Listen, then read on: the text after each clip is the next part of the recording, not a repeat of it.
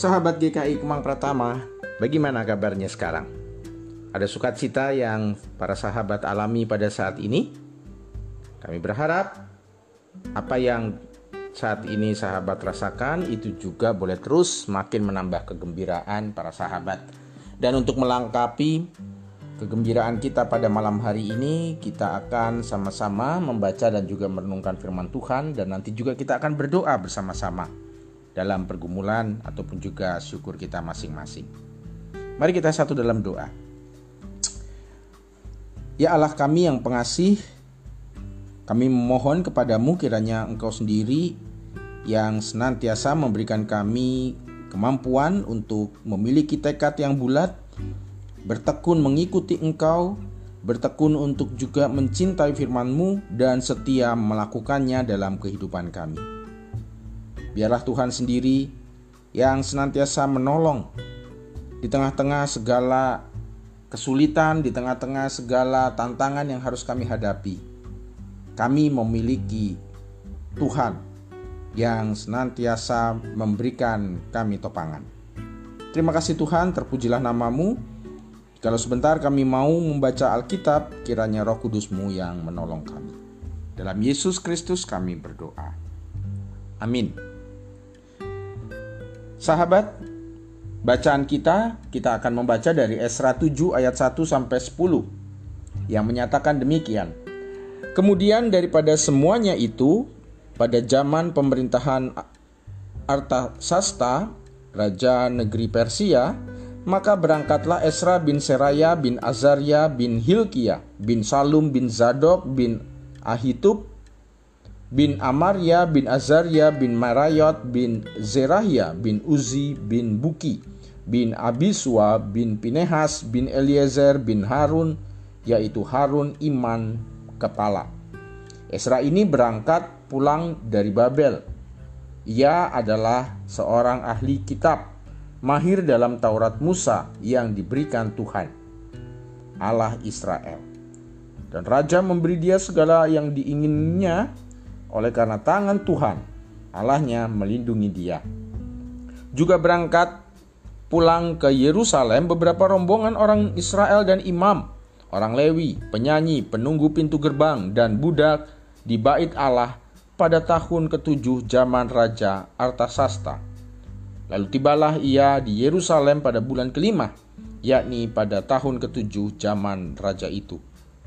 Tepat pada tanggal satu bulan pertama, ia memulai perjalanannya pulang dari Babel, dan tepat pada tanggal satu bulan kelima, ia tiba di Yerusalem. Oleh karena tangan murah Allahnya itu melindungi dia. Sebab Esra telah bertekad untuk meneliti Taurat Tuhan dan melakukannya serta mengajar ketetapan dan peraturan di antara orang Israel. Nats kita pada malam hari ini dari ayatnya yang ke-10. Sebab Esra telah bertekad untuk meneliti Taurat Tuhan dan melakukannya serta mengajarkan ketetapan dan peraturan di antara orang Israel.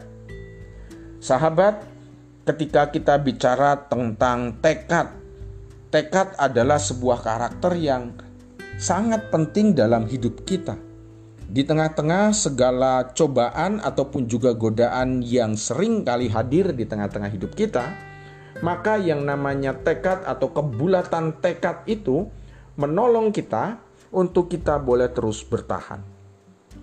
Sahabat, apakah kita punya tim favorit sepak bola?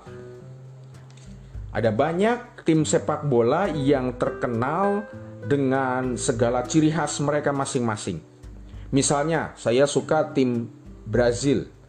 Tim Brazil itu sering kali di uh, dikatakan sebagai tim samba, ya karena dia ataukah mereka ketika bermain bola seperti orang bermain atau ber, menari samba, dan itu adalah sebuah keindahan dalam sepak bola. Ada juga tim sepak bola yang dijuluki sebagai tim Panzer yaitu tim sepak bola dari Jerman. Nah, kalau Panzer ibaratnya atau karena itu juga merupakan kendaraan tempur buatan Jerman. Dan Panzer ini sangat tangguh pada Perang Dunia Kedua. Panzer ini bermesin diesel dan bisa dikatakan mesin diesel ini adalah lambat panas. Tapi ketika mesin ini sudah panas, maka mesin panzer ini menjadi kendaraan tempur yang sulit sekali ditaklukkan oleh lawan-lawan mana pun.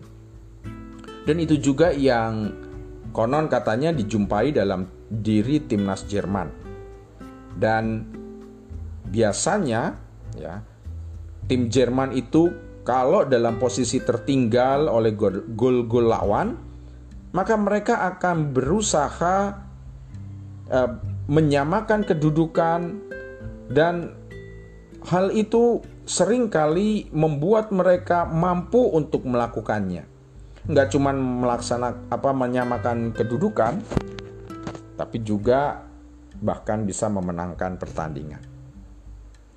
Karena setiap permain berjuang dengan sekuat tenaga supaya mereka tidak kalah, bahkan mereka harus menang. Dan itulah yang menjadi karakter dari tim Panzer Jerman. Ada mentalitas yang kuat, yang membuat setiap pemain Jerman memiliki tekad yang baja, tekad untuk menang dalam pertandingan, pun ketika mereka ada dalam situasi tertekan.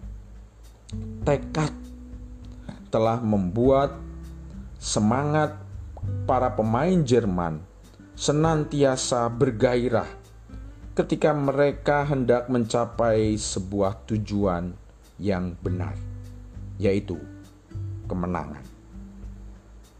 Dan ketika kita memiliki tekad, maka sering kali tim Jerman itu menjadi tim yang ditakuti oleh tim-tim lain. Tekad pemain Jerman ketika ingin melakukan yang terbaik, maka tim-tim lawan mentalnya bisa menjadi turun. Kalau ini diterapkan dalam hidup kita, kalau kita memiliki tekad yang kuat, yang juga uh, kita perlukan untuk mencapai tujuan, betapapun mungkin tujuan itu memiliki banyak tantangan, maka yang namanya tekad itu menjadi penting supaya kita bisa meraihnya. Dalam bacaan kita, seorang yang bernama Esra, ya, dia memiliki tekad yang sangat-sangat kuat. Ia adalah seorang yang senantiasa meneliti, dia juga yang melakukan dan juga mengajarkan Taurat Tuhan. Dan itu juga yang dia berikan kepada saudara-saudaranya orang-orang Israel. Pertanyaannya, kenapa sih Esra bertekad seperti itu? Sebab pada waktu itu orang-orang Israel karena mereka sudah lama sekali tidak pernah mendengar, mereka tidak pernah membaca dan merenungkan Taurat Tuhan, maka orang Israel mulai jauh dari Tuhan. Ketika mereka ada di dalam pembuangan Babel, ada begitu banyak hal-hal yang mencoba menggoda mereka supaya orang Israel ikut pada Allah-Allah Israel, pada kesenangan-kesenangan orang-orang Babel. Belum lagi umat Israel memaknai bahwa peristiwa pembuangan Babel itu adalah sebuah kegagalan di dalam kehidupan mereka melakukan Taurat Tuhan dan juga kehidupannya. Nah, seorang Esra ini bertekad untuk kembali memperdalam pemahamannya terhadap Taurat Tuhan. Orang-orang Israel diajak oleh Esra untuk memperlakukan atau memberlakukan Taurat ini dalam hidup mereka hari lepas hari.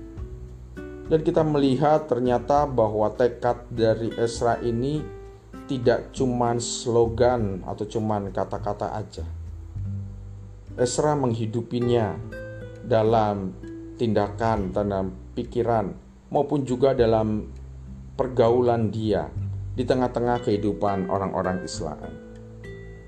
Dan ini juga yang kita bisa belajar para sahabat. Supaya kita juga memiliki tekad yang kuat ketika kita mengikuti Tuhan. Di tengah-tengah situasi yang berat saat ini, ada begitu banyak hal-hal yang sering kali mencoba meraih diri kita dari jalan Tuhan. Ada begitu banyak goncangan, godaan, dan juga hal-hal lain yang menarik perhatian kita, dan itu menjauhkan kita dari kasih Tuhan. Karena itu, kita diingatkan pada saat ini untuk tetap memelihara tekad kita ikut Tuhan, dan kita tidak bisa melakukannya seorang diri. Kita juga mesti ada di tengah-tengah komunitas ataupun juga di tengah-tengah keluarga yang juga boleh mendukung sehingga kita tidak merasa seorang diri bertahan di dalam ancaman ataupun juga di dalam godaan-godaan itu. Dan inilah yang membuat Israel itu kemudian bisa kembali kepada Tuhan. Itu juga yang bisa kita lakukan ketika kita ataupun juga keluarga kita dapat terus menikmati akan kasih Tuhan, yaitu ketika kita terus memelihara tekad kita untuk tetap ada pada jalan Tuhan. Mari sahabat, yang menjadi refleksi kita malam hari ini sebagai seorang pengikut Kristus. Apa yang menjadi tujuan hidup kita? Dan sebesar apa untuk kita juga boleh terus dapat meraih apa yang kita inginkan melalui tekad kita bersama dengan Tuhan.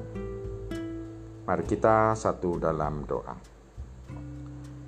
Bapak Surgai, sungguh kami mengucap syukur jikalau pada malam hari ini kami diingatkan olehmu bagaimana kami harus terus memiliki tekad, memiliki determinasi, memiliki kemampuan untuk boleh ikut Tuhan dengan setia dan tetap tangguh. Mampukan kami ya Tuhan, untuk kami tidak menjadi lemah, untuk kami tidak menjadi kalah di dalam pertandingan iman, di dalam pertandingan kehidupan ini. Biarlah Engkau sendiri yang terus menumbuhkan kami, dan juga kami dimampukan bersama-sama dengan keluarga untuk kami senantiasa fokus kepadamu. Kami berdoa ya Tuhan, bagi keluarga-keluarga yang mungkin saat ini mulai undur dari Tuhan. Mereka berpaling kepada ilah-ilah atau hal-hal lain yang menurut mereka lebih menjanjikan, yang menurut mereka itu membuat mereka senang, dan itu juga yang akhirnya mereka ikuti. Tolong Tuhan, teguhkanlah mereka Jangan biarkan mereka goyah dan mampukan mereka kembali kepada jalan Tuhan. Panggillah mereka pulang Tuhan dan mampukan kami anak-anakmu untuk juga kami dapat menjadi orang-orang yang boleh membawa mereka kembali kepada Tuhan. Inilah doa kami. Inilah pengharapan kami. Dalam nama Yesus kami berdoa. Amin. Terima kasih sahabat yang sudah boleh mengakses, boleh mendengarkan siaran podcast kita pada malam hari ini dan kita akan kembali esok hari dan biarlah senantiasa hidup kita boleh terus bermakna.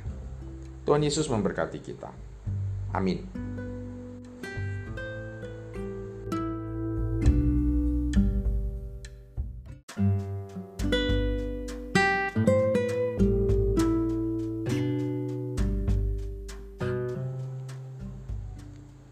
Sahabat GKI Kemang Pratama, bagaimana kabarnya sekarang? Ada sukacita yang para sahabat alami pada saat ini? Kami berharap apa yang saat ini sahabat rasakan itu juga boleh terus makin menambah kegembiraan para sahabat. Dan untuk melengkapi kegembiraan kita pada malam hari ini kita akan sama-sama membaca dan juga merenungkan firman Tuhan dan nanti juga kita akan berdoa bersama-sama dalam pergumulan ataupun juga syukur kita masing-masing. Mari kita satu dalam doa. Ya Allah kami yang pengasih, kami memohon kepadamu kiranya Engkau sendiri yang senantiasa memberikan kami kemampuan untuk memiliki tekad yang bulat bertekun mengikuti engkau, bertekun untuk juga mencintai firman-Mu dan setia melakukannya dalam kehidupan kami. Biarlah Tuhan sendiri yang senantiasa menolong di tengah-tengah segala kesulitan, di tengah-tengah segala tantangan yang harus kami hadapi. Kami memiliki Tuhan yang senantiasa memberikan kami topangan. Terima kasih Tuhan, terpujilah namamu. Kalau sebentar kami mau membaca Alkitab, kiranya roh kudusmu yang menolong kami. Dalam Yesus Kristus kami berdoa. Amin. Sahabat, bacaan kita, kita akan membaca dari Esra 7 ayat 1 sampai 10 yang menyatakan demikian. Kemudian daripada semuanya itu, pada zaman pemerintahan Artasasta, raja negeri Persia, maka berangkatlah Esra bin Seraya bin Azaria bin Hilkia bin Salum bin Zadok bin Ahitub bin Amaria bin Azaria bin Marayot bin Zerahia bin Uzi bin Buki bin Abiswa bin Pinehas bin Eliezer bin Harun yaitu Harun iman kepala. Esra ini berangkat pulang dari Babel. Ia adalah seorang ahli kitab mahir dalam Taurat Musa yang diberikan Tuhan, Allah Israel. Dan raja memberi dia segala yang diinginnya oleh karena tangan Tuhan, Allahnya melindungi dia. Juga berangkat pulang ke Yerusalem beberapa rombongan orang Israel dan imam, orang Lewi, penyanyi, penunggu pintu gerbang, dan budak di bait Allah pada tahun ketujuh zaman Raja Artasasta Lalu tibalah ia di Yerusalem pada bulan kelima, yakni pada tahun ketujuh zaman raja itu. Tepat pada tanggal satu bulan pertama, ia memulai perjalanannya pulang dari Babel, dan tepat pada tanggal satu bulan kelima, ia tiba di Yerusalem. Oleh karena tangan murah Allahnya itu melindungi dia. Sebab Esra telah bertekad untuk meneliti Taurat Tuhan dan melakukannya serta mengajar ketetapan dan peraturan di antara orang Israel. Nats kita pada malam hari ini dari ayatnya yang ke-10 sebab Esra telah bertekad untuk meneliti Taurat Tuhan dan melakukannya serta mengajarkan ketetapan dan peraturan di antara orang Israel. Sahabat, ketika kita bicara tentang tekad, tekad adalah sebuah karakter yang sangat penting dalam hidup kita. Di tengah-tengah segala cobaan ataupun juga godaan yang sering kali hadir di tengah-tengah hidup kita, maka yang namanya tekad atau kebulatan tekad itu menolong kita untuk kita boleh terus bertahan. Sahabat, apakah kita punya tim favorit sepak bola? Ada banyak tim sepak bola yang terkenal dengan segala ciri khas mereka masing-masing. Misalnya, saya suka tim Brazil. Tim Brazil itu sering kali di uh, dikatakan sebagai tim samba, ya karena dia ataukah mereka ketika bermain bola seperti orang bermain atau ber, menari samba, dan itu adalah sebuah keindahan dalam sepak bola. Ada juga tim sepak bola yang dijuluki sebagai tim Panzer, yaitu tim sepak bola dari Jerman. Nah, kalau Panzer ibaratnya atau karena itu juga merupakan kendaraan tempur buatan Jerman. Dan Panzer ini sangat tangguh pada Perang Dunia Kedua. Panzer ini bermesin diesel dan bisa dikatakan mesin diesel ini adalah lambat panas. Tapi ketika mesin ini sudah panas, maka mesin panser ini menjadi kendaraan tempur yang sulit sekali ditaklukkan oleh lawan-lawan mana pun. Dan itu juga yang konon katanya dijumpai dalam diri timnas Jerman. Dan biasanya ya tim Jerman itu kalau dalam posisi tertinggal oleh gol-gol lawan, maka mereka akan berusaha eh, menyamakan kedudukan dan hal itu sering kali membuat mereka mampu untuk melakukannya. Nggak cuma melaksanakan apa menyamakan kedudukan, tapi juga bahkan bisa memenangkan pertandingan. Karena setiap permain berjuang dengan sekuat tenaga supaya mereka tidak kalah, bahkan mereka harus menang. Dan itulah yang menjadi karakter dari tim Panzer Jerman. Ada mentalitas yang kuat yang membuat setiap pemain Jerman memiliki tekad yang baja, tekad untuk menang dalam pertandingan, pun ketika mereka ada dalam situasi tertekan. Tekad telah membuat semangat para pemain Jerman senantiasa bergairah ketika mereka hendak mencapai sebuah tujuan yang benar, yaitu kemenangan. Dan ketika kita memiliki tekad, maka sering kali tim Jerman itu menjadi tim yang ditakuti oleh tim-tim lain tekad pemain Jerman ketika ingin melakukan yang terbaik, maka tim-tim lawan mentalnya bisa menjadi turun. Kalau ini diterapkan dalam hidup kita, kalau kita memiliki tekad yang kuat, yang juga uh, kita perlukan untuk mencapai tujuan, Betapapun mungkin tujuan itu memiliki banyak tantangan, maka yang namanya tekad itu menjadi penting supaya kita bisa meraihnya.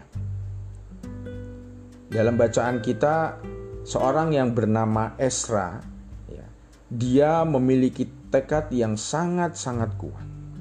Ia adalah seorang yang senantiasa meneliti, dia juga yang melakukan dan juga mengajarkan Taurat Tuhan dan itu juga yang dia berikan kepada saudara-saudaranya orang-orang Israel. Pertanyaannya, kenapa sih Esra bertekad seperti itu? Sebab pada waktu itu orang-orang Israel karena mereka sudah lama sekali tidak pernah mendengar, mereka tidak pernah membaca dan merenungkan Taurat Tuhan, maka orang Israel mulai jauh dari Tuhan. Ketika mereka ada di dalam pembuangan Babel, ada begitu banyak hal-hal yang mencoba menggoda mereka supaya orang Israel ikut pada Allah-Allah Israel, pada kesenangan-kesenangan orang-orang Babel. Belum lagi umat Israel memaknai bahwa peristiwa pembuangan Babel itu adalah sebuah kegagalan di dalam kehidupan mereka melakukan Taurat Tuhan dan juga kehidupannya. Nah, seorang Esra ini bertekad untuk kembali memperdalam pemahamannya terhadap Taurat Tuhan. Orang-orang Israel diajak oleh Esra untuk memperlakukan atau memberlakukan Taurat ini dalam hidup mereka hari lepas hari dan kita melihat ternyata bahwa tekad dari Esra ini tidak cuma slogan atau cuma kata-kata aja. Esra menghidupinya dalam tindakan, dalam pikiran, maupun juga dalam pergaulan dia di tengah-tengah kehidupan orang-orang Islam. Dan ini juga yang kita bisa belajar para sahabat supaya kita juga memiliki tekad yang kuat ketika kita mengikuti Tuhan. Di tengah-tengah situasi yang berat saat ini, Ada begitu banyak hal-hal yang sering kali mencoba meraih diri kita dari jalan Tuhan. Ada begitu banyak goncangan, godaan, dan juga hal-hal lain yang menarik perhatian kita, dan itu menjauhkan kita dari kasih Tuhan. Karena itu, kita diingatkan pada saat ini untuk tetap memelihara tekad kita ikut Tuhan.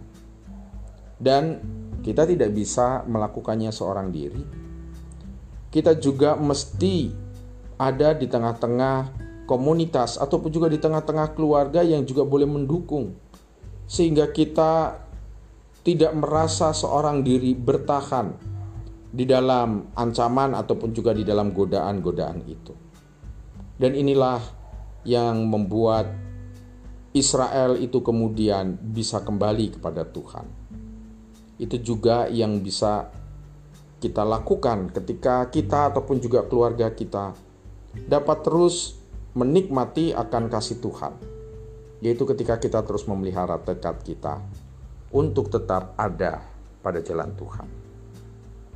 Mari sahabat, yang menjadi refleksi kita malam hari ini sebagai seorang pengikut Kristus, apa yang menjadi tujuan hidup kita, dan sebesar apa untuk kita juga boleh terus dapat meraih apa yang kita inginkan melalui tekad kita bersama dengan Tuhan. Mari kita satu dalam doa. Bapak Surgai, sungguh kami mengucap syukur Jikalau pada malam hari ini kami diingatkan olehmu, bagaimana kami harus terus memiliki tekad, memiliki determinasi, memiliki kemampuan untuk boleh ikut Tuhan dengan setia dan tetap tangguh.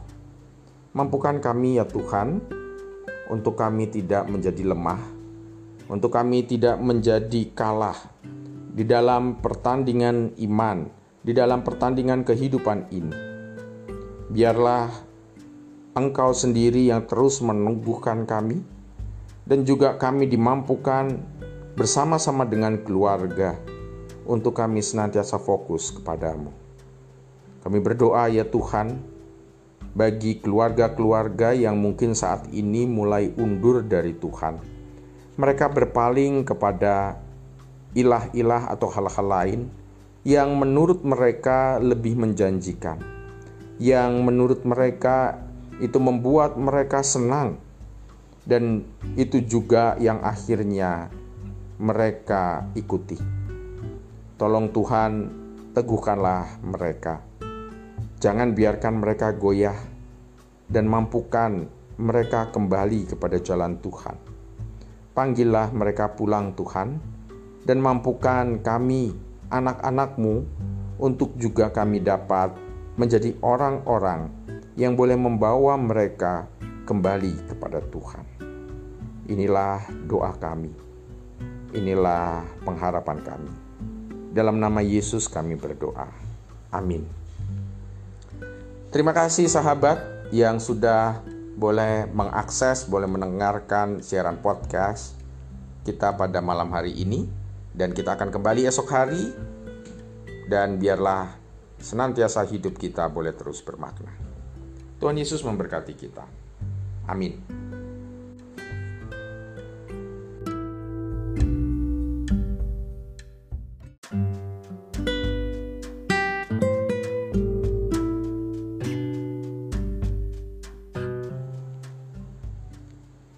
Sahabat GKI Kemang Pratama, bagaimana kabarnya sekarang?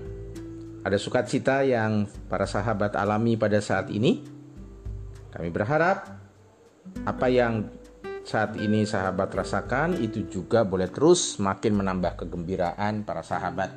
Dan untuk melengkapi kegembiraan kita pada malam hari ini, kita akan sama-sama membaca dan juga merenungkan firman Tuhan dan nanti juga kita akan berdoa bersama-sama dalam pergumulan ataupun juga syukur kita masing-masing. Mari kita satu dalam doa.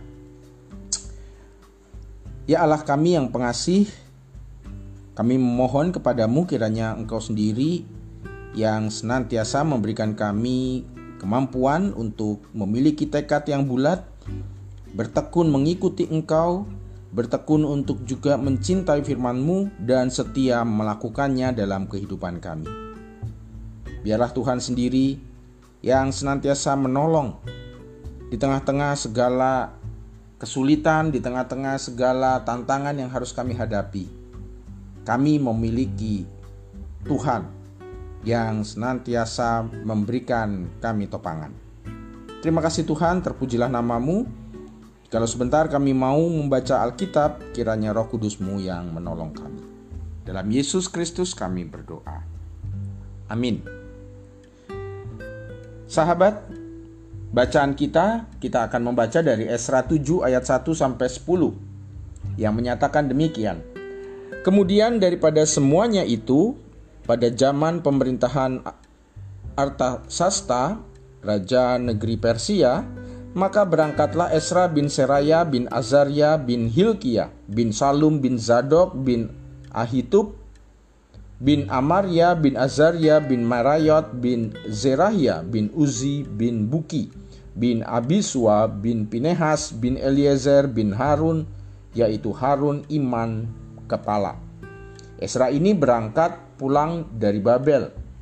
Ia adalah seorang ahli kitab, mahir dalam Taurat Musa yang diberikan Tuhan, Allah Israel. Dan raja memberi dia segala yang diinginnya oleh karena tangan Tuhan, Allahnya melindungi dia. Juga berangkat pulang ke Yerusalem beberapa rombongan orang Israel dan imam, orang Lewi, penyanyi, penunggu pintu gerbang, dan budak di bait Allah pada tahun ketujuh zaman Raja Artasasta. Lalu tibalah ia di Yerusalem pada bulan kelima, yakni pada tahun ketujuh zaman Raja itu. Tepat pada tanggal satu bulan pertama, ia memulai perjalanannya pulang dari Babel, dan tepat pada tanggal satu bulan kelima ia tiba di Yerusalem. Oleh karena tangan murah Allahnya itu melindungi dia.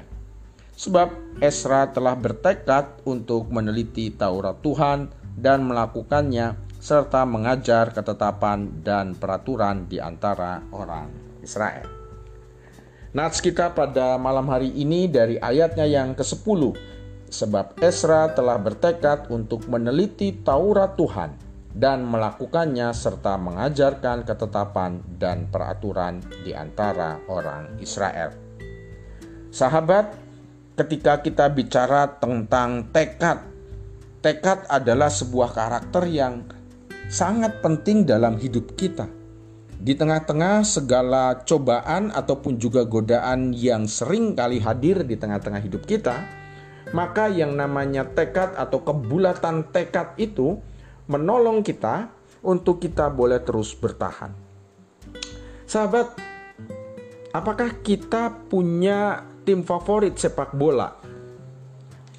Ada banyak tim sepak bola yang terkenal dengan segala ciri khas mereka masing-masing. Misalnya, saya suka tim Brazil. Tim Brazil itu sering kali di uh, dikatakan sebagai tim samba, ya karena dia ataukah mereka ketika bermain bola seperti orang bermain atau ber, menari samba dan itu adalah sebuah keindahan dalam sepak bola. Ada juga tim sepak bola yang dijuluki sebagai tim Panzer, yaitu tim sepak bola dari Jerman. Nah, kalau Panzer ibaratnya atau karena itu juga merupakan kendaraan tempur buatan Jerman. Dan Panzer ini sangat tangguh pada Perang Dunia Kedua Panzer ini bermesin diesel dan bisa dikatakan mesin diesel ini adalah lambat panas. Tapi ketika mesin ini sudah panas, maka mesin Panzer ini menjadi kendaraan tempur yang sulit sekali ditaklukkan oleh lawan-lawan mana pun. Dan itu juga yang konon katanya dijumpai dalam diri timnas Jerman. Dan biasanya ya tim Jerman itu kalau dalam posisi tertinggal oleh gol-gol lawan maka mereka akan berusaha uh, menyamakan kedudukan dan hal itu sering kali membuat mereka mampu untuk melakukannya. Nggak cuma melaksanakan apa menyamakan kedudukan, tapi juga bahkan bisa memenangkan pertandingan. Karena setiap permain berjuang dengan sekuat tenaga supaya mereka tidak kalah. Bahkan mereka harus menang. Dan itulah yang menjadi karakter dari tim Panzer Jerman. Ada mentalitas yang kuat yang membuat setiap pemain Jerman memiliki tekad yang baja, tekad untuk menang dalam pertandingan, pun ketika mereka ada dalam situasi tertekan. Tekad telah membuat semangat para pemain Jerman senantiasa bergairah ketika mereka hendak mencapai sebuah tujuan yang benar, yaitu kemenangan. Dan ketika kita memiliki tekad, maka sering kali tim Jerman itu menjadi tim yang ditakuti oleh tim-tim lain. Tekad pemain Jerman ketika ingin melakukan yang terbaik, maka tim-tim lawan mentalnya bisa menjadi turun. Kalau ini diterapkan dalam hidup kita, kalau kita memiliki tekad yang kuat, yang juga uh, kita perlukan untuk mencapai tujuan, betapapun mungkin tujuan itu memiliki banyak tantangan, maka yang namanya tekad itu menjadi penting supaya kita bisa meraihnya. Dalam bacaan kita, seorang yang bernama Esra, ya, dia memiliki tekad yang sangat-sangat kuat. Ia adalah seorang yang senantiasa meneliti, dia juga yang melakukan dan juga mengajarkan Taurat Tuhan. Dan itu juga yang dia berikan kepada saudara-saudaranya orang-orang Israel. Pertanyaannya, kenapa sih Esra bertekad seperti itu? Sebab pada waktu itu orang-orang Israel karena mereka sudah lama sekali tidak pernah mendengar, mereka tidak pernah membaca dan merenungkan Taurat Tuhan, maka orang Israel mulai jauh dari Tuhan. Ketika mereka ada di dalam pembuangan Babel, ada begitu banyak hal-hal yang mencoba menggoda mereka supaya orang Israel ikut pada Allah-Allah Israel, pada kesenangan-kesenangan orang-orang Babel. Belum lagi umat Israel memaknai bahwa peristiwa pembuangan Babel itu adalah sebuah kegagalan di dalam kehidupan mereka melakukan Taurat Tuhan dan juga kehidupannya. Nah, seorang Esra ini bertekad untuk kembali memperdalam pemahamannya terhadap Taurat Tuhan. Orang-orang Israel diajak oleh Esra untuk memperlakukan atau memberlakukan Taurat ini dalam hidup mereka hari lepas hari. Dan kita melihat ternyata bahwa tekad dari Esra ini tidak cuma slogan atau cuma kata-kata aja Esra menghidupinya dalam tindakan, dalam pikiran, maupun juga dalam pergaulan dia di tengah-tengah kehidupan orang-orang Islam. Dan ini juga yang kita bisa belajar para sahabat. Supaya kita juga memiliki tekad yang kuat ketika kita mengikuti Tuhan. Di tengah-tengah situasi yang berat saat ini, ada begitu banyak hal-hal yang sering kali mencoba meraih diri kita dari jalan Tuhan. Ada begitu banyak goncangan, godaan, dan juga hal-hal lain yang menarik perhatian kita, dan itu menjauhkan kita dari kasih Tuhan. Karena itu, kita diingatkan pada saat ini untuk tetap memelihara tekad kita ikut Tuhan. Dan kita tidak bisa melakukannya seorang diri. Kita juga mesti ada di tengah-tengah komunitas ataupun juga di tengah-tengah keluarga yang juga boleh mendukung sehingga kita tidak merasa seorang diri bertahan di dalam ancaman ataupun juga di dalam godaan-godaan itu. Dan inilah yang membuat Israel itu kemudian bisa kembali kepada Tuhan. Itu juga yang bisa kita lakukan ketika kita ataupun juga keluarga kita dapat terus menikmati akan kasih Tuhan, yaitu ketika kita terus memelihara tekad kita untuk tetap ada pada jalan Tuhan.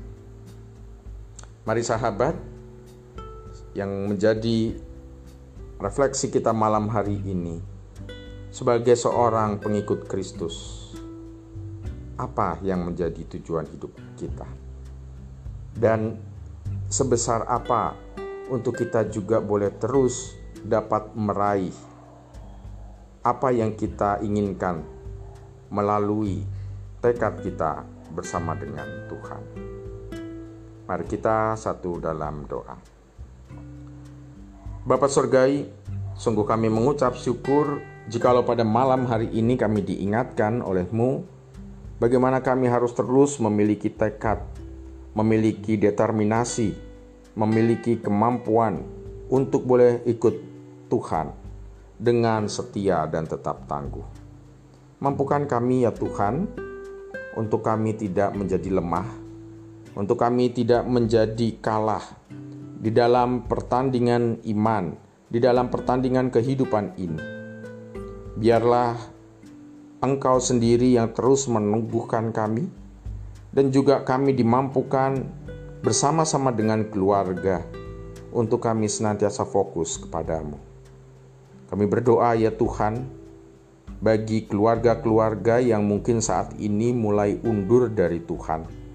Mereka berpaling kepada ilah-ilah atau hal-hal lain yang menurut mereka lebih menjanjikan, yang menurut mereka itu membuat mereka senang, dan itu juga yang akhirnya mereka ikuti. Tolong Tuhan, teguhkanlah mereka Jangan biarkan mereka goyah dan mampukan mereka kembali kepada jalan Tuhan. Panggillah mereka pulang Tuhan dan mampukan kami anak-anakmu untuk juga kami dapat menjadi orang-orang yang boleh membawa mereka kembali kepada Tuhan. Inilah doa kami. Inilah pengharapan kami. Dalam nama Yesus kami berdoa. Amin.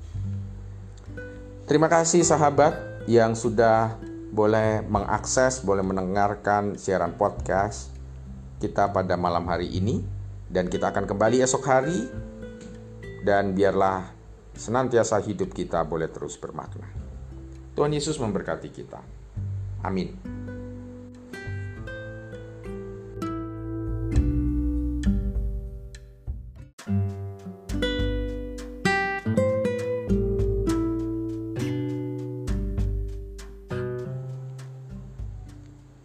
Sahabat GKI Kemang Pratama, bagaimana kabarnya sekarang? Ada sukacita yang para sahabat alami pada saat ini? Kami berharap apa yang saat ini sahabat rasakan itu juga boleh terus makin menambah kegembiraan para sahabat. Dan untuk melengkapi kegembiraan kita pada malam hari ini, kita akan sama-sama membaca dan juga merenungkan firman Tuhan dan nanti juga kita akan berdoa bersama-sama dalam pergumulan ataupun juga syukur kita masing-masing. Mari kita satu dalam doa. Ya Allah kami yang pengasih, kami memohon kepadamu kiranya Engkau sendiri yang senantiasa memberikan kami kemampuan untuk memiliki tekad yang bulat, bertekun mengikuti Engkau, bertekun untuk juga mencintai firman-Mu dan setia melakukannya dalam kehidupan kami. Biarlah Tuhan sendiri yang senantiasa menolong di tengah-tengah segala kesulitan, di tengah-tengah segala tantangan yang harus kami hadapi. Kami memiliki Tuhan yang senantiasa memberikan kami topangan. Terima kasih Tuhan, terpujilah namamu. Kalau sebentar kami mau membaca Alkitab, kiranya roh kudusmu yang menolong kami. Dalam Yesus Kristus kami berdoa. Amin. Sahabat, bacaan kita, kita akan membaca dari Esra 7 ayat 1 sampai 10 yang menyatakan demikian. Kemudian daripada semuanya itu, pada zaman pemerintahan Artasasta, raja negeri Persia, maka berangkatlah Esra bin Seraya bin Azaria bin Hilkia bin Salum bin Zadok bin Ahitub bin Amaria bin Azaria bin Marayot bin Zerahia bin Uzi bin Buki bin Abiswa bin Pinehas bin Eliezer bin Harun yaitu Harun iman kepala. Esra ini berangkat pulang dari Babel. Ia adalah seorang ahli kitab, mahir dalam Taurat Musa yang diberikan Tuhan, Allah Israel. Dan raja memberi dia segala yang diinginnya oleh karena tangan Tuhan, Allahnya melindungi dia. Juga berangkat pulang ke Yerusalem beberapa rombongan orang Israel dan imam, orang Lewi, penyanyi, penunggu pintu gerbang, dan budak di bait Allah pada tahun ketujuh zaman Raja Artasasta. Lalu tibalah ia di Yerusalem pada bulan kelima, yakni pada tahun ketujuh zaman Raja itu. Tepat pada tanggal satu bulan pertama, ia memulai perjalanannya pulang dari Babel, dan tepat pada tanggal satu bulan kelima, ia tiba di Yerusalem. Oleh karena tangan murah Allahnya itu melindungi dia.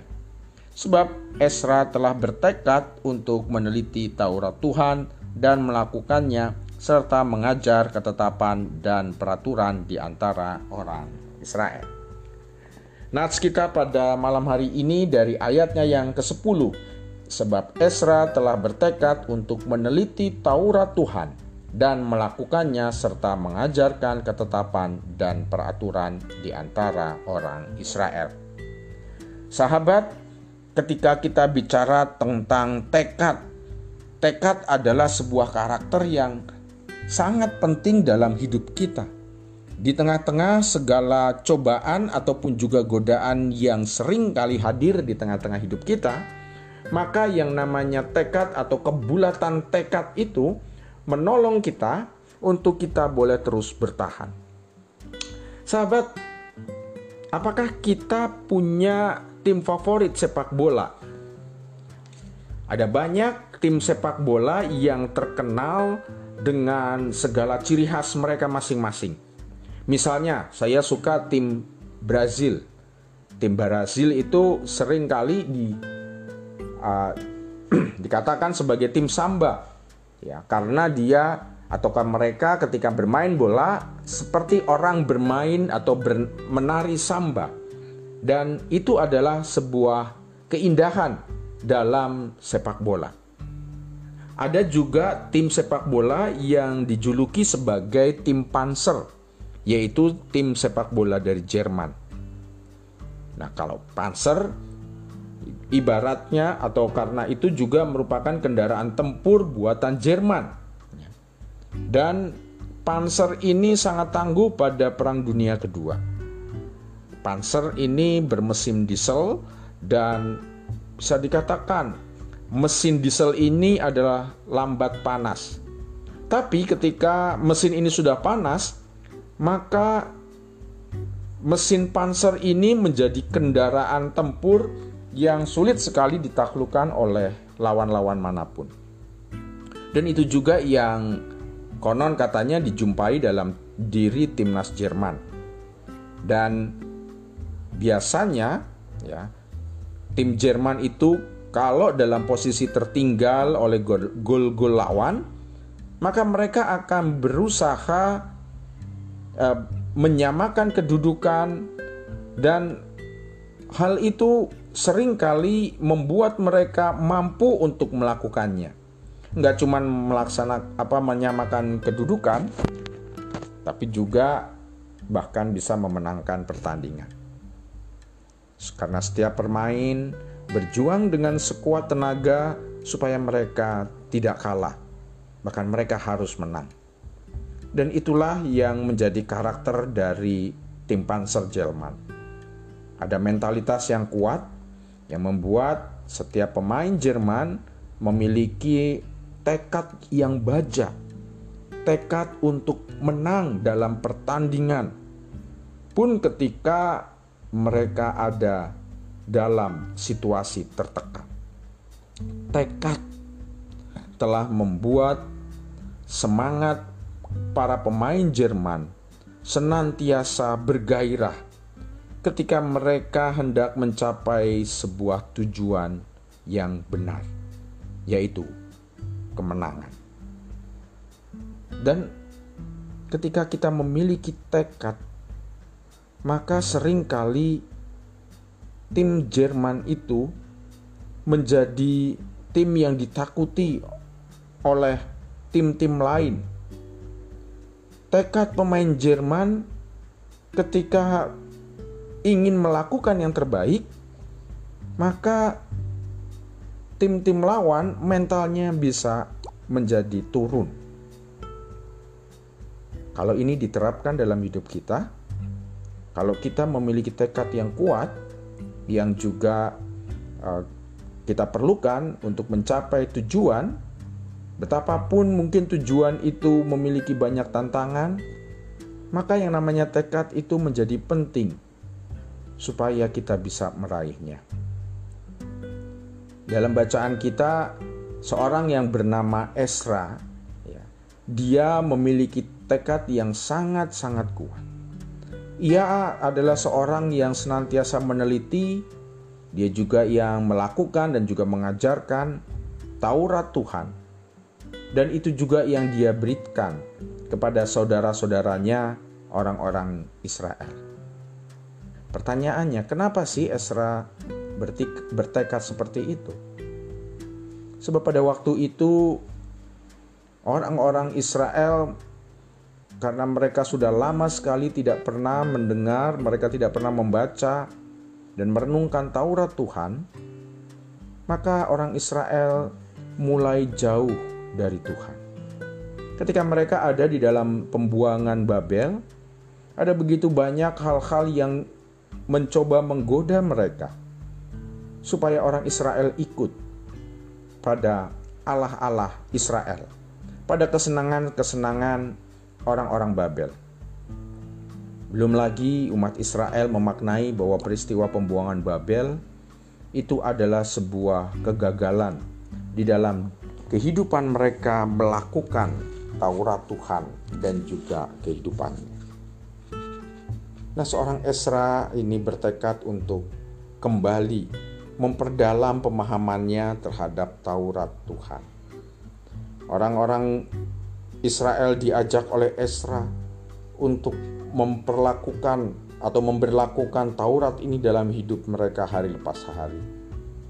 Dan kita melihat ternyata bahwa tekad dari Esra ini tidak cuman slogan atau cuman kata-kata aja Esra menghidupinya dalam tindakan, dalam pikiran, maupun juga dalam pergaulan dia di tengah-tengah kehidupan orang-orang Islam. Dan ini juga yang kita bisa belajar para sahabat. Supaya kita juga memiliki tekad yang kuat ketika kita mengikuti Tuhan. Di tengah-tengah situasi yang berat saat ini, ada begitu banyak hal-hal yang sering kali mencoba meraih diri kita dari jalan Tuhan. Ada begitu banyak goncangan, godaan, dan juga hal-hal lain yang menarik perhatian kita, dan itu menjauhkan kita dari kasih Tuhan. Karena itu, kita diingatkan pada saat ini untuk tetap memelihara tekad kita ikut Tuhan. Dan kita tidak bisa melakukannya seorang diri. Kita juga mesti ada di tengah-tengah komunitas ataupun juga di tengah-tengah keluarga yang juga boleh mendukung sehingga kita tidak merasa seorang diri bertahan di dalam ancaman ataupun juga di dalam godaan-godaan itu.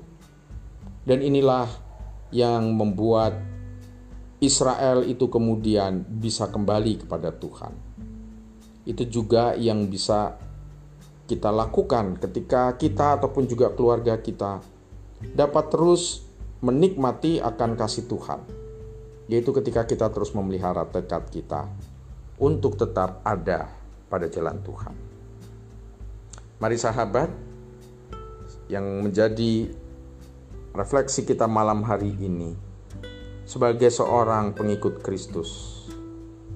Apa yang menjadi tujuan hidup kita? Dan sebesar apa untuk kita juga boleh terus dapat meraih apa yang kita inginkan melalui tekad kita bersama dengan Tuhan. Mari kita satu dalam doa.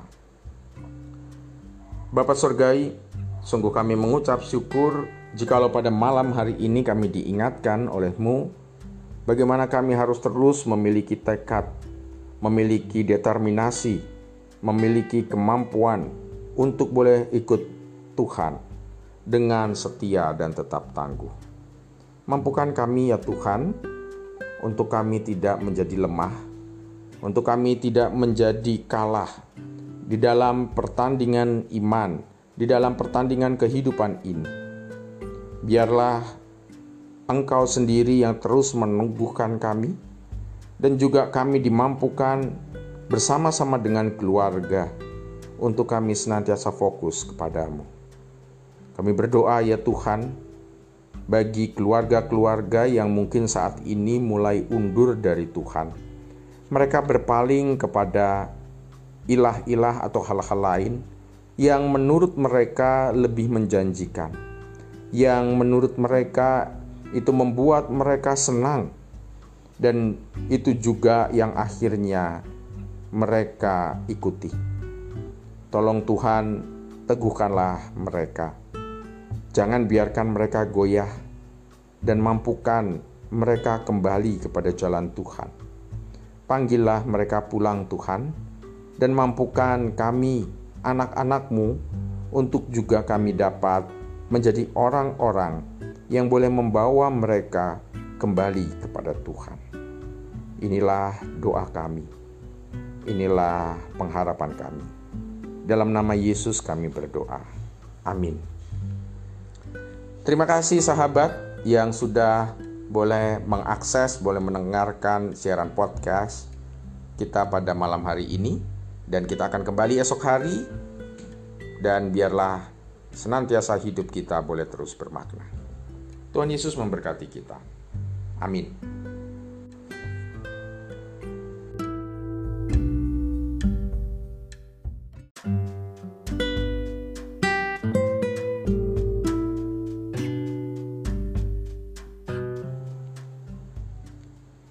Sahabat GKI Kemang Pratama, bagaimana kabarnya sekarang? Ada sukacita yang para sahabat alami pada saat ini.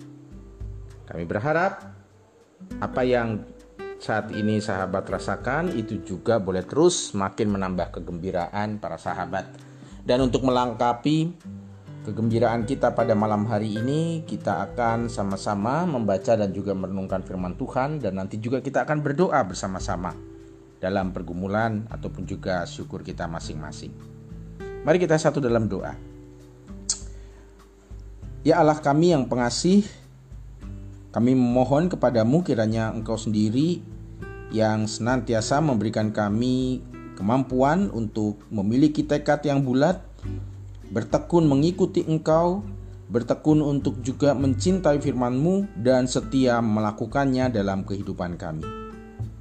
Biarlah Tuhan sendiri yang senantiasa menolong di tengah-tengah segala kesulitan, di tengah-tengah segala tantangan yang harus kami hadapi, kami memiliki Tuhan yang senantiasa memberikan kami topangan. Terima kasih Tuhan, terpujilah namamu. Kalau sebentar kami mau membaca Alkitab, kiranya roh kudusmu yang menolong kami. Dalam Yesus Kristus kami berdoa. Amin. Sahabat, Bacaan kita, kita akan membaca dari Esra 7 ayat 1 sampai 10 yang menyatakan demikian.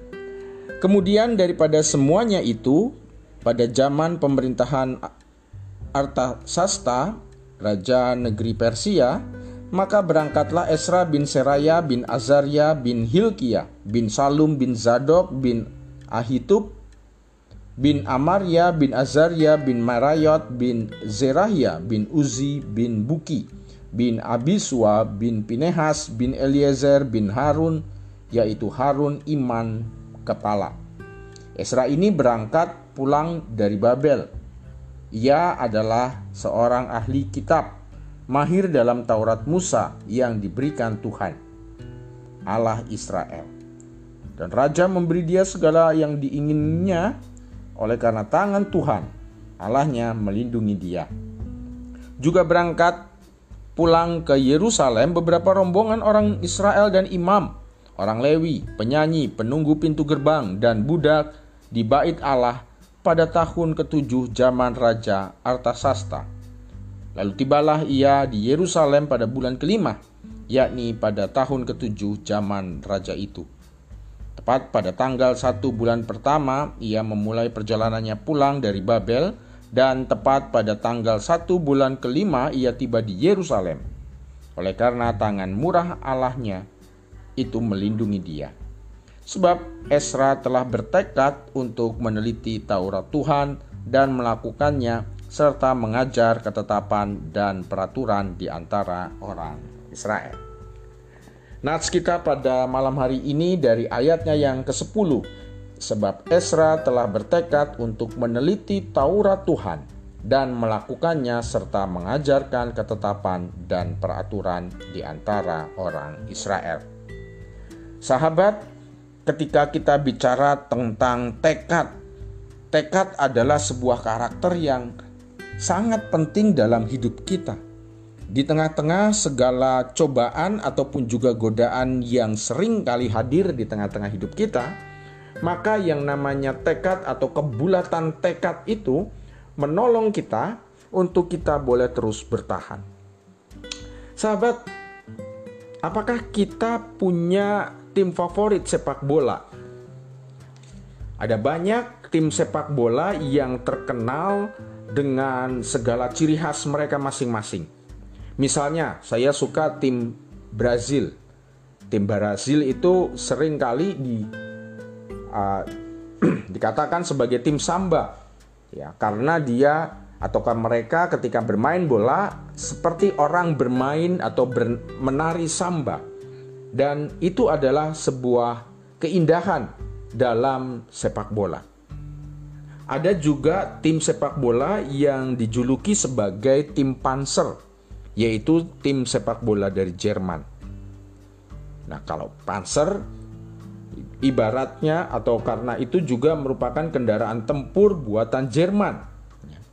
Dan Panzer ini sangat tangguh pada Perang Dunia Kedua Panzer ini bermesin diesel dan bisa dikatakan mesin diesel ini adalah lambat panas. Tapi ketika mesin ini sudah panas, maka mesin Panzer ini menjadi kendaraan tempur yang sulit sekali ditaklukkan oleh lawan-lawan mana pun. Dan itu juga yang konon katanya dijumpai dalam diri timnas Jerman. Dan biasanya ya tim Jerman itu kalau dalam posisi tertinggal oleh gol-gol lawan maka mereka akan berusaha uh, menyamakan kedudukan dan hal itu sering kali membuat mereka mampu untuk melakukannya. Nggak cuma melaksanakan apa menyamakan kedudukan, tapi juga bahkan bisa memenangkan pertandingan. Karena setiap permain berjuang dengan sekuat tenaga supaya mereka tidak kalah. Bahkan mereka harus menang. Dan itulah yang menjadi karakter dari tim Panzer Jerman.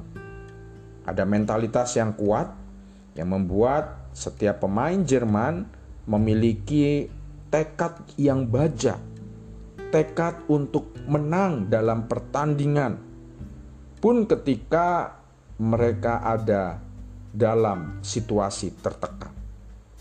tekad telah membuat semangat para pemain Jerman senantiasa bergairah ketika mereka hendak mencapai sebuah tujuan yang benar, yaitu kemenangan. Dan ketika kita memiliki tekad, maka sering kali tim Jerman itu menjadi tim yang ditakuti oleh tim-tim lain. Tekad pemain Jerman ketika ingin melakukan yang terbaik, maka tim-tim lawan mentalnya bisa menjadi turun. Kalau ini diterapkan dalam hidup kita, kalau kita memiliki tekad yang kuat, yang juga uh, kita perlukan untuk mencapai tujuan, betapapun mungkin tujuan itu memiliki banyak tantangan, maka yang namanya tekad itu menjadi penting supaya kita bisa meraihnya.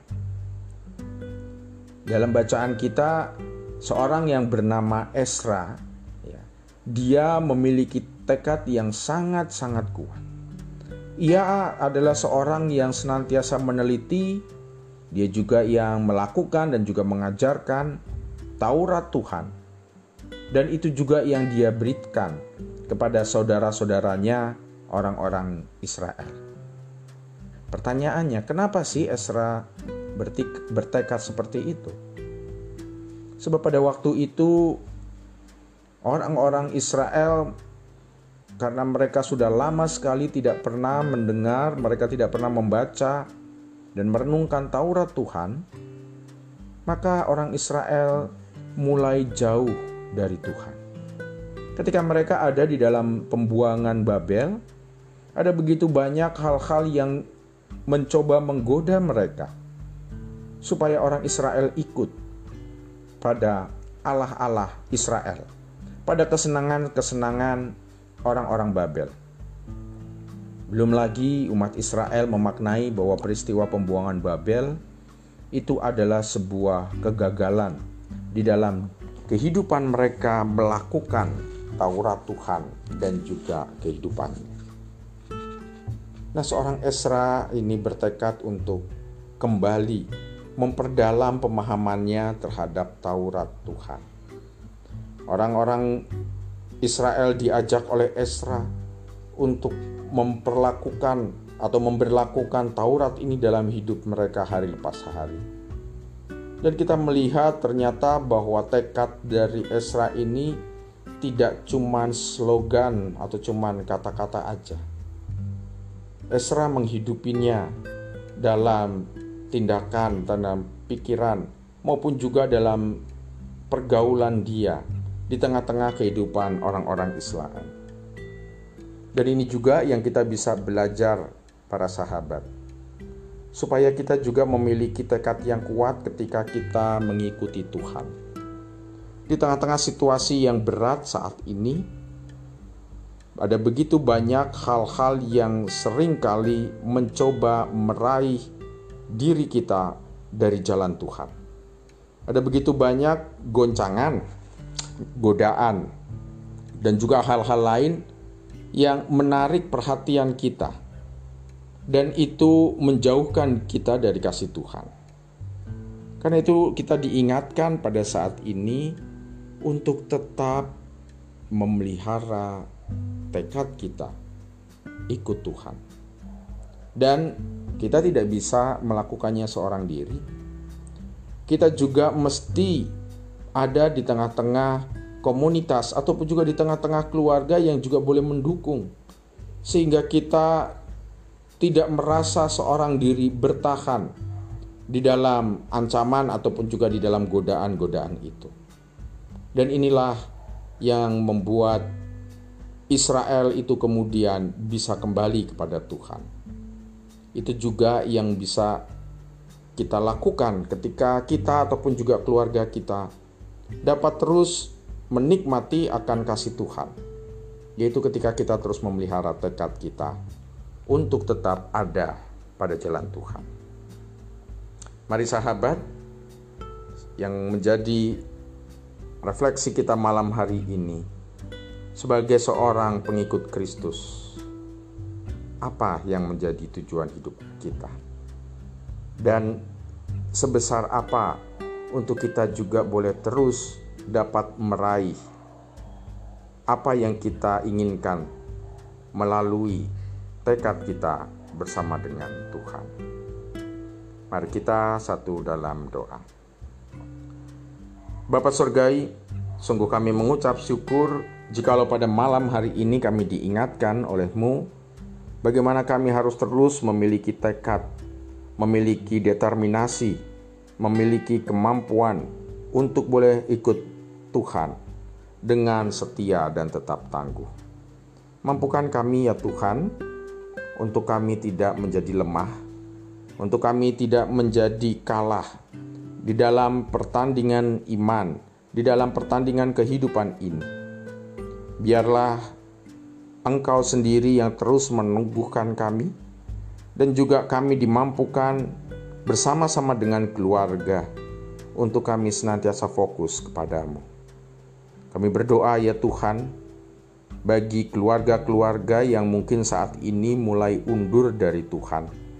Mereka berpaling kepada ilah-ilah atau hal-hal lain yang menurut mereka lebih menjanjikan, yang menurut mereka itu membuat mereka senang, dan itu juga yang akhirnya mereka ikuti.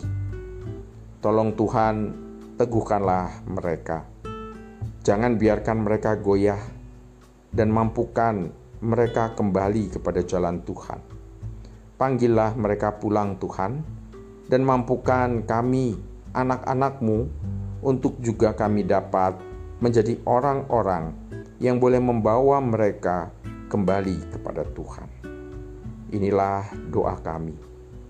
Inilah pengharapan kami. Dalam nama Yesus kami berdoa. Amin. Terima kasih sahabat yang sudah boleh mengakses, boleh mendengarkan siaran podcast kita pada malam hari ini dan kita akan kembali esok hari dan biarlah senantiasa hidup kita boleh terus bermakna. Tuhan Yesus memberkati kita. Amin.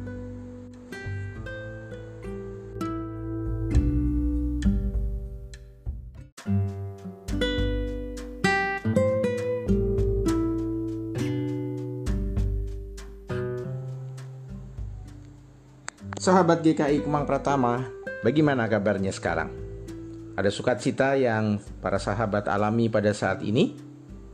Kami berharap apa yang saat ini sahabat rasakan itu juga boleh terus makin menambah kegembiraan para sahabat. Dan untuk melengkapi kegembiraan kita pada malam hari ini, kita akan sama-sama membaca dan juga merenungkan firman Tuhan dan nanti juga kita akan berdoa bersama-sama dalam pergumulan ataupun juga syukur kita masing-masing. Mari kita satu dalam doa. Ya Allah kami yang pengasih, kami memohon kepadamu kiranya Engkau sendiri yang senantiasa memberikan kami kemampuan untuk memiliki tekad yang bulat, bertekun mengikuti Engkau, bertekun untuk juga mencintai firman-Mu dan setia melakukannya dalam kehidupan kami. Biarlah Tuhan sendiri yang senantiasa menolong di tengah-tengah segala kesulitan di tengah-tengah segala tantangan yang harus kami hadapi. Kami memiliki Tuhan yang senantiasa memberikan kami topangan. Terima kasih Tuhan, terpujilah namamu. Kalau sebentar kami mau membaca Alkitab, kiranya roh kudusmu yang menolong kami. Dalam Yesus Kristus kami berdoa. Amin. Sahabat, Bacaan kita, kita akan membaca dari Esra 7 ayat 1 sampai 10 yang menyatakan demikian. Kemudian daripada semuanya itu, pada zaman pemerintahan Artasasta, raja negeri Persia, maka berangkatlah Esra bin Seraya bin Azaria bin Hilkia bin Salum bin Zadok bin Ahitub bin Amaria bin Azaria bin Marayot bin Zerahia bin Uzi bin Buki bin Abiswa bin Pinehas bin Eliezer bin Harun yaitu Harun iman kepala. Esra ini berangkat pulang dari Babel.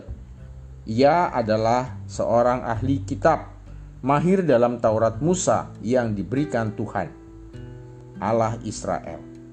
Dan raja memberi dia segala yang diinginnya oleh karena tangan Tuhan, Allahnya melindungi dia. Juga berangkat pulang ke Yerusalem beberapa rombongan orang Israel dan imam, orang Lewi, penyanyi, penunggu pintu gerbang, dan budak di bait Allah pada tahun ketujuh zaman Raja Artasasta. Lalu tibalah ia di Yerusalem pada bulan kelima, yakni pada tahun ketujuh zaman Raja itu. Tepat pada tanggal satu bulan pertama, ia memulai perjalanannya pulang dari Babel, dan tepat pada tanggal satu bulan kelima ia tiba di Yerusalem. Oleh karena tangan murah Allahnya itu melindungi dia. Sebab Esra telah bertekad untuk meneliti Taurat Tuhan dan melakukannya serta mengajar ketetapan dan peraturan di antara orang Israel. Nats kita pada malam hari ini dari ayatnya yang ke-10 sebab Esra telah bertekad untuk meneliti Taurat Tuhan dan melakukannya serta mengajarkan ketetapan dan peraturan di antara orang Israel. Sahabat, ketika kita bicara tentang tekad, tekad adalah sebuah karakter yang sangat penting dalam hidup kita. Di tengah-tengah segala cobaan ataupun juga godaan yang sering kali hadir di tengah-tengah hidup kita, maka yang namanya tekad atau kebulatan tekad itu menolong kita untuk kita boleh terus bertahan. Sahabat, apakah kita punya tim favorit sepak bola. Ada banyak tim sepak bola yang terkenal dengan segala ciri khas mereka masing-masing. Misalnya, saya suka tim Brazil. Tim Brazil itu sering kali di uh, dikatakan sebagai tim samba, ya karena dia ataukah mereka ketika bermain bola seperti orang bermain atau ber, menari samba dan itu adalah sebuah keindahan dalam sepak bola. Ada juga tim sepak bola yang dijuluki sebagai tim Panzer, yaitu tim sepak bola dari Jerman. Nah, kalau Panzer ibaratnya atau karena itu juga merupakan kendaraan tempur buatan Jerman. Dan Panzer ini sangat tangguh pada Perang Dunia Kedua Panzer ini bermesin diesel dan bisa dikatakan mesin diesel ini adalah lambat panas. Tapi ketika mesin ini sudah panas, maka mesin Panzer ini menjadi kendaraan tempur yang sulit sekali ditaklukkan oleh lawan-lawan mana pun. Dan itu juga yang konon katanya dijumpai dalam diri timnas Jerman. Dan biasanya ya tim Jerman itu kalau dalam posisi tertinggal oleh gol-gol lawan maka mereka akan berusaha eh, menyamakan kedudukan dan hal itu sering kali membuat mereka mampu untuk melakukannya. Nggak cuma melaksanakan apa menyamakan kedudukan, tapi juga bahkan bisa memenangkan pertandingan. Karena setiap permain berjuang dengan sekuat tenaga supaya mereka tidak kalah, bahkan mereka harus menang. Dan itulah yang menjadi karakter dari tim Panzer Jerman. Ada mentalitas yang kuat yang membuat setiap pemain Jerman memiliki tekad yang baja, tekad untuk menang dalam pertandingan. Pun ketika mereka ada dalam situasi tertekan. Tekad telah membuat semangat para pemain Jerman senantiasa bergairah ketika mereka hendak mencapai sebuah tujuan yang benar, yaitu kemenangan. Dan ketika kita memiliki tekad maka sering kali tim Jerman itu menjadi tim yang ditakuti oleh tim-tim lain. Tekad pemain Jerman ketika ingin melakukan yang terbaik, maka tim-tim lawan mentalnya bisa menjadi turun. Kalau ini diterapkan dalam hidup kita, kalau kita memiliki tekad yang kuat, yang juga uh, kita perlukan untuk mencapai tujuan, betapapun mungkin tujuan itu memiliki banyak tantangan, maka yang namanya tekad itu menjadi penting supaya kita bisa meraihnya. Dalam bacaan kita, seorang yang bernama Esra, ya, dia memiliki tekad yang sangat-sangat kuat. Ia adalah seorang yang senantiasa meneliti, dia juga yang melakukan dan juga mengajarkan Taurat Tuhan. Dan itu juga yang dia berikan kepada saudara-saudaranya orang-orang Israel. Pertanyaannya, kenapa sih Esra bertekad seperti itu? Sebab pada waktu itu orang-orang Israel karena mereka sudah lama sekali tidak pernah mendengar, mereka tidak pernah membaca dan merenungkan Taurat Tuhan, maka orang Israel mulai jauh dari Tuhan. Ketika mereka ada di dalam pembuangan Babel, ada begitu banyak hal-hal yang mencoba menggoda mereka supaya orang Israel ikut pada Allah-Allah Israel, pada kesenangan-kesenangan orang-orang Babel. Belum lagi umat Israel memaknai bahwa peristiwa pembuangan Babel itu adalah sebuah kegagalan di dalam kehidupan mereka melakukan Taurat Tuhan dan juga kehidupannya. Nah, seorang Esra ini bertekad untuk kembali memperdalam pemahamannya terhadap Taurat Tuhan. Orang-orang Israel diajak oleh Esra untuk memperlakukan atau memberlakukan Taurat ini dalam hidup mereka hari lepas hari. Dan kita melihat ternyata bahwa tekad dari Esra ini tidak cuma slogan atau cuma kata-kata aja. Esra menghidupinya dalam tindakan, dalam pikiran, maupun juga dalam pergaulan dia di tengah-tengah kehidupan orang-orang Islam. Dan ini juga yang kita bisa belajar para sahabat. Supaya kita juga memiliki tekad yang kuat ketika kita mengikuti Tuhan. Di tengah-tengah situasi yang berat saat ini, ada begitu banyak hal-hal yang sering kali mencoba meraih diri kita dari jalan Tuhan. Ada begitu banyak goncangan godaan, dan juga hal-hal lain yang menarik perhatian kita, dan itu menjauhkan kita dari kasih Tuhan. Karena itu, kita diingatkan pada saat ini untuk tetap memelihara tekad kita ikut Tuhan, dan kita tidak bisa melakukannya seorang diri. Kita juga mesti ada di tengah-tengah komunitas ataupun juga di tengah-tengah keluarga yang juga boleh mendukung sehingga kita tidak merasa seorang diri bertahan di dalam ancaman ataupun juga di dalam godaan-godaan itu. Dan inilah yang membuat Israel itu kemudian bisa kembali kepada Tuhan. Itu juga yang bisa kita lakukan ketika kita ataupun juga keluarga kita dapat terus menikmati akan kasih Tuhan, yaitu ketika kita terus memelihara tekad kita untuk tetap ada pada jalan Tuhan. Mari sahabat, yang menjadi refleksi kita malam hari ini sebagai seorang pengikut Kristus. Apa yang menjadi tujuan hidup kita?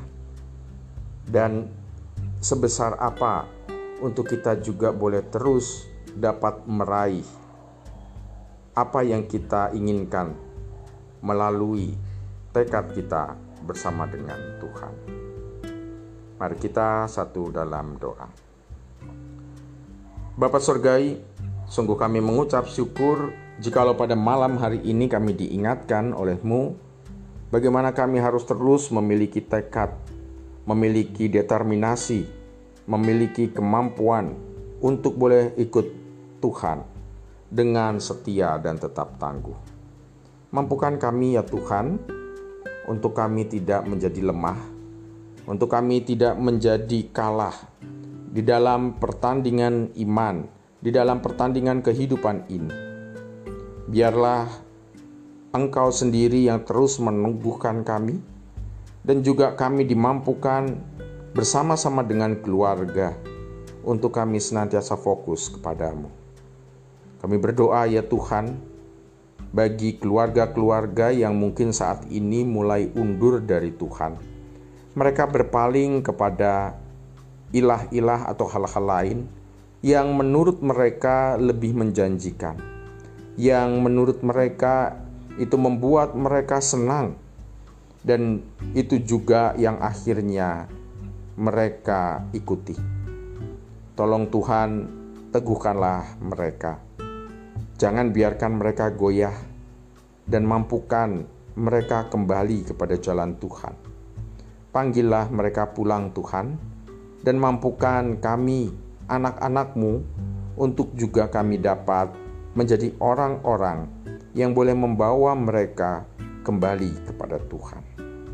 Inilah doa kami. Inilah pengharapan kami. Dalam nama Yesus kami berdoa. Amin. Terima kasih sahabat yang sudah boleh mengakses, boleh mendengarkan siaran podcast kita pada malam hari ini dan kita akan kembali esok hari dan biarlah senantiasa hidup kita boleh terus bermakna. Tuhan Yesus memberkati kita. Amin.